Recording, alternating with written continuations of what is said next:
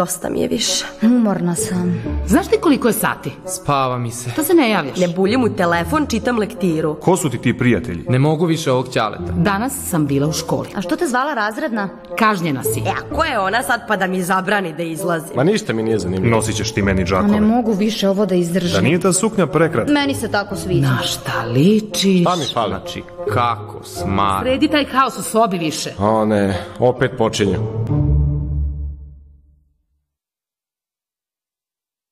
Zdravo, zdravo. Danas jedna izuzetno važna tema. Vaša budućnost. Pretpostavljam da vas u toku dana sto puta pitaju čime ćete da se bavite kad porastete. I već vam je dojadilo. Ali hajde da to iskoristimo nekako praktično, da otkrijemo šta to sve možete da radite, koje su to profesije tražene na tržištu rada i šta to baš vama leži i odgovara. Idemo u nacionalnu službu za zapošljavanje da se malo raspitamo.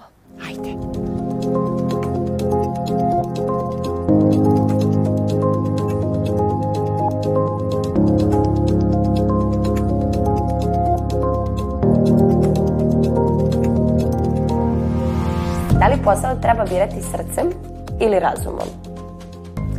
E, rekla bih razumom, ali, ali razumom u smislu da mi treba da prikupimo dovoljno informacija koje su nam od značaja za izbor budućeg zanimanja. Koje su to informacije? Pa da onda na osnovu tih informacija kojima raspolažemo i donesemo odluke. I sad, koji je to set informacija? Kao prvo, treba dobro da upoznamo sebe, da onako budemo objektivni prema sebi, da se zapitamo koje su to naše jače strane, koje su naše slabije strane, kakvi smo mi kao osobe, kakve nas osobine krase, koje bismo mi svoje osobine želeli da koristimo u budućem poslu i naravno da razmislimo o tome šta je to što mi volimo, u kom pravcu ide naša radoznalost, šta, koji, koji radoznalost želimo dalje da razvijamo. Dakle, to je jedan set informacija koje trebamo prikupiti, to su informacije o nama samima. Drugi set informacija koje treba da prikupimo, to su informacije o svetu rada i svetu obrazovanja. Dakle, da se dobro raspitamo kakva je trenutna situacija na tržištu rada, koji su poslovi traženi, koji su manje traženi, koji su, kakve su predikcije, koji će to možda biti neki novo generisani poslovi u budućnosti i da vidimo koji je to obrazovni put kojim sve mi putevi, pošto ih ima više, kojima mi možemo doći do određene profesije. Kakva je situacija na tržištu rada?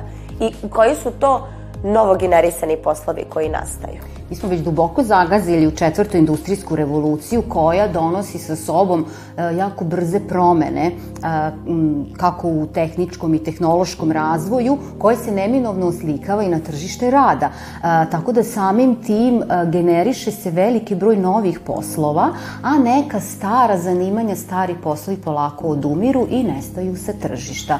Dakle, ono što je trenutno u fokusu, naravno što je najtraženije trenutno na tržištu rada, to su poslovi koji su upravo vezani za ovo što sam rekla, te neke tehničko-tehnološke branše i to, dakle, različite vrste inženjeringa, pa su recimo najviše su traženi, mogu da kažem, stručnjaci za IT tehnologije, zatim elektroinženjeri, mašinski inženjeri, tehnolozi su traženi, građevinski inženjeri, dakle, građevinska industrija jeste u ekspanziji kod nas u, u poslednjih nekoliko godina, dakle, građevinski inženjeri, ali traženi su i stručnjaci za financije, traženi su znači računovođe, revizori, knjigovođe, farmaceuti, lekari određenih specijalnosti, a ono nešto što je takođe u deficitu i polako mislim da će tu biti sve izraženije i izraženije, to su određena nastavnička zanimanja, to je profesori određenih struka, naročito bih istakla profesore matematike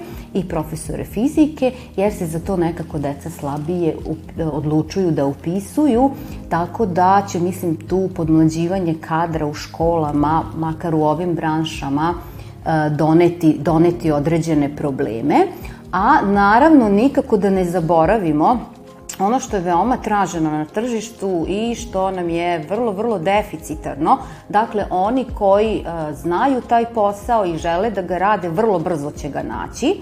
a, to su zanatska zanimanja, a, pre svega zanatska zanimanja iz oblasti ugostiteljstva, kuvari, konobari, mesari, pekari, poslastičari, zatim iz oblasti nege i lepote, frizeri, kozmetičari su traženi i e, zanatska zanimanja iz oblasti građevinarstva, recimo armirači, tesari, moleri, zidari, pa električari, vodoinstalateri, operateri na CNC mašinama. Dakle, to su nam e, zanimanja iz onog trogodišnjeg e, nivoa školovanja a, koja su veoma, veoma tražena na tržištu. Svi kažu da je taj IT sektor najtraženiji. Da li treba da onda ne slušamo svoje srce i izaberemo baš taj posao? Što se tiče IT sektora, on jeste u ekspanziji, to je a, najbrže rastuća privredna grana kod nas, a jeste i u svetu. I upravo iz te branše se i generiše a, najveći broj a, novih poslova. Znači, kako se taj sektor unapređuje, napreduje, pojavljuju se i nova zanimanja koja su baš usko vezana sa, sa, u, sa tim IT svetom, ali moramo, moramo istaći, i dakle jeste istina, činjenica i to pokazuje i statističke analize, da je to branša u kojoj su postignute najveće prosečne zarade u Republici Srbiji, ali nije jedina, ima i u drugim branšama se takođe dostižu visoke zarade kao što je eksploatacija nafte i gasa, rudarstvo i još neke oblasti informisanja, financija, takođe mogu da se dosegnu više, viši nivoji zarade, ali opet moramo znati i što se tiče IT sektora, da ni tu nisu zarade svakoga iste. E, različite su zarade za one koji su juniori, koji su mediori, koji su seniori. Za seniore vam treba i desetak godina radnog iskustva i visok, visok nivo znanja i prakse u toj oblasti da biste vi dostigli ovaj, neku, kako da kažemo, nadprosečnu visoku zaradu u toj branši. Tako nam se desi da nam leži neki posao koji ne donosi dobru zaradu i koji nije tražen na tržištu rada. Svi mi imamo uh, više interesovanja, pa sve njih trebamo uzeti u obzir, ali ako se odlučimo za to jedno interesovanje, rekli ste umetnost, na primjer, spomenuli ste umetnost, pa sad onda ću da razmislim da li da se školujem za slikara ili, mislim, ako je ta vrsta umetnosti u pitanju, ili ću da to pokušam, taj svoj talenat i tu svoju ljubav koju imam prema slikanju, da upotrebim u nekim drugim branšama u kojima će to moći da mi bude isplatljivije, kao na primjer da to oblikujem kroz neki dizajn ili možda arhitekturu ili tako neke druge oblasti. Dakle, uvek da probamo da napravimo neki kompromis između naših ljubavi jel? I onoga što je realnost na tržištu, onog sa čime ćemo moći lakše i da se zaposlimo i da ovaj, napredujemo. Da li su se interesovanja mladih promenila u periodu posle korone? Tada su se desile određene m, vrlo značajne promene u životu mladih ljudi. Bili su zatvoreni, bili su izolovani, bili su u strahu, e, verova, prvi put su doživeli tako nešto u svom životu i sad neko se tu bolje prilagodi, neko se teže prilagodi. Prvi put je uveden i ovaj način rada online nastave, pa je onda bilo malo online, pa malo lično, pa malo online, pa malo lično, pa kombinovano i za za mlade ljude jeste to bio dosta stresan period iz kojeg oni još uvek nisu u potpunosti izašli i imaju nekako je donio mnogo više sumnje u njih sami. Dakle, mnogo više sumnjaju u svoje sposobnosti, u svoje kvalitete, u svoje mogućnosti, e, kao da je to uticalo malo jel, da na sliku o sebi i ta izolovanost i manje kontakata sa drugima i sve to. Tako da ovaj, sve više imamo neodlučnih e, učenika po pitanju m, šta je to pravo za mene i da li je išta pravo za mene. Upravo to je u stvari ono, da li je išta od svega što postoji za mene. A naravno da jeste. Možemo da kažemo da svi mi možemo da uspešno obavljamo, to su istraživanja pokazivala, najmanje pet različitih profesija. Pa u nekoj od tih pet sigurno ćemo se pronaći. Sada ste čuli kako se sve to nova zanimanja traže i šta je to popularno na tržištu rada. Ali da ne treba da birate samo razumom, već malo i srcem. Čak smo čuli da postoji neka potpuno nova zanimanja. Možda vi baš budete prvi u tom potpuno novom poslu. Postoji nešto što se zove dron operator. istražite malo to, pa počnite i radite. Ali sada, pre nego što budete prvi u vašem novom poslu, budite prvi u rešavanju ovog zadatka iz opšte kulture. Bite festival osnovan je 1967. 1978. 1991. godine. Tačan odgovor 1967. godine. BITEF ili ti Beogradski internacionalni teatarski festival osnovan je 1967. godine. Za osnivače smatraju se Mira Trejlović i Jovan Čirilov. I ono što je kod BITEF-a veoma specifično je da on vrlo brzo postao jedan od najistaknutijih evropskih festivala, jer je i u najvećim političkim i ekonomskim krizama on opstao kao ono pravo izvorno pozorište. I još specifičnosti oko Bitefa jeste to da se bave novim specifičnim formama teatra, kao što su postdramsko pozorište ili savremeni virtualni teatar. Pa onda možemo da smatramo da istoriju Bitefa zapravo opisuje istorija savremenog pozorišta.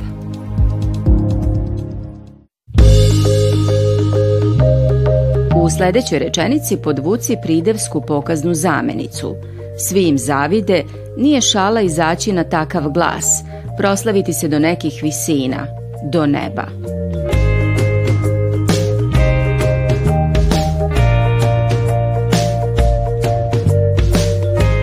Zamenice spadaju u promenljivu vrstu reči. Sve zamenice smo podelili na imeničke i pridevske. Pridevske zamenice, kako im samo ime kaže, imaju funkciju prideva u rečenici. Odnosno, određuju, zapravo bliže nam opisuju imenicu uz koju stoje. Pokazne pridevske zamenice, kao što je u ovom slučaju zamenica takav, takođe stoji uz imenicu i bliže je određuje, odnosno odgovara na pitanje kakvo je nešto. Predak konja imao je pet prstiju na nogama, dok današnji ima samo jedan. Ovo je rezultat procesa koji se naziva sukcesija, evolucija, ekologija, simbioza. Tačan odgovor – evolucija. Šta je evolucija? Evolucija u stvari podrazumeva proces promena uh, u populacijama koji se prenosi iz generacije u generaciju.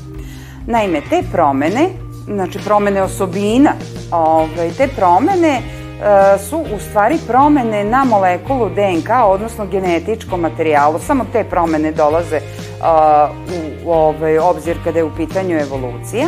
E sad, te promene su uvek uh, u bliskoj vezi sa uslovima u kojima ti organizmi žive. E sad, ako te promene uh, omogućavaju lakši opstanak uh, tim organizmima, one će se naravno više razmnožavati i preneće se uh, u naredne generacije. Međutim, ako su to promene koje otežavaju opstanak, takvi organizmi uglavnom neće ostavljati potomstvo, pa se i neće ovaj, preneti u naredne generacije. Znači, te promene koje inače zovemo mutacijama a, su korisne i one se a, čine osnovnu pokretačku snagu evolucije. U ovom slučaju kod konja, Preda konja je bio izuzetno mali, kao neki pas, znači od 35 do 38 cm visine, negde oko 5 kg i imao je po 5 prstiju na nogama i onda je krenula redukcija kako je krenuo da raste, odnosno da postaje sve veći i veći. Krenula je redukcija prstiju jer je bilo a, lakše sa manje prstiju da se oslanja pa je prvo krenula redukcija prvog prsta, pa petog, pa onda zajedno drugi i četvrti, tako da je ostao samo taj srednji prst koji je krenuo snažno da se razvija i da se oko njega obavija rožni omotač i nastalo je kopito. I zahvaljujući tom kopitu, sav oslonac tela a, naleže na jednu tačku, što je izuzetno dobro za konje, jer današnji konji su mnogo, mnogo veći u odnosu na svoje pretke, a takođe i ravan e, simetrije, odnosno osa simetrije e, stopala prolazi upravo kroz taj srednji prst, tako da je kopito izuzetno dobro kada je u pitanju ovaj, hodanje, odnosno kretanje konja. Da biste uspeli, vaša želja za uspehom mora biti veća od straha od neuspeha. Zato, nemojte da se bojite da nećete uspeti. Svaki čovek ima pet zanimanja koje može da obavlja. Jedno od tih pet je baš vaše. Zato, nemojte da se bojite, krećite se ka vašoj budućoj karijeri, mislite i osjećajte tim srcem šta je ono što baš vama leži. A do naše sledeće emisije vidimo se.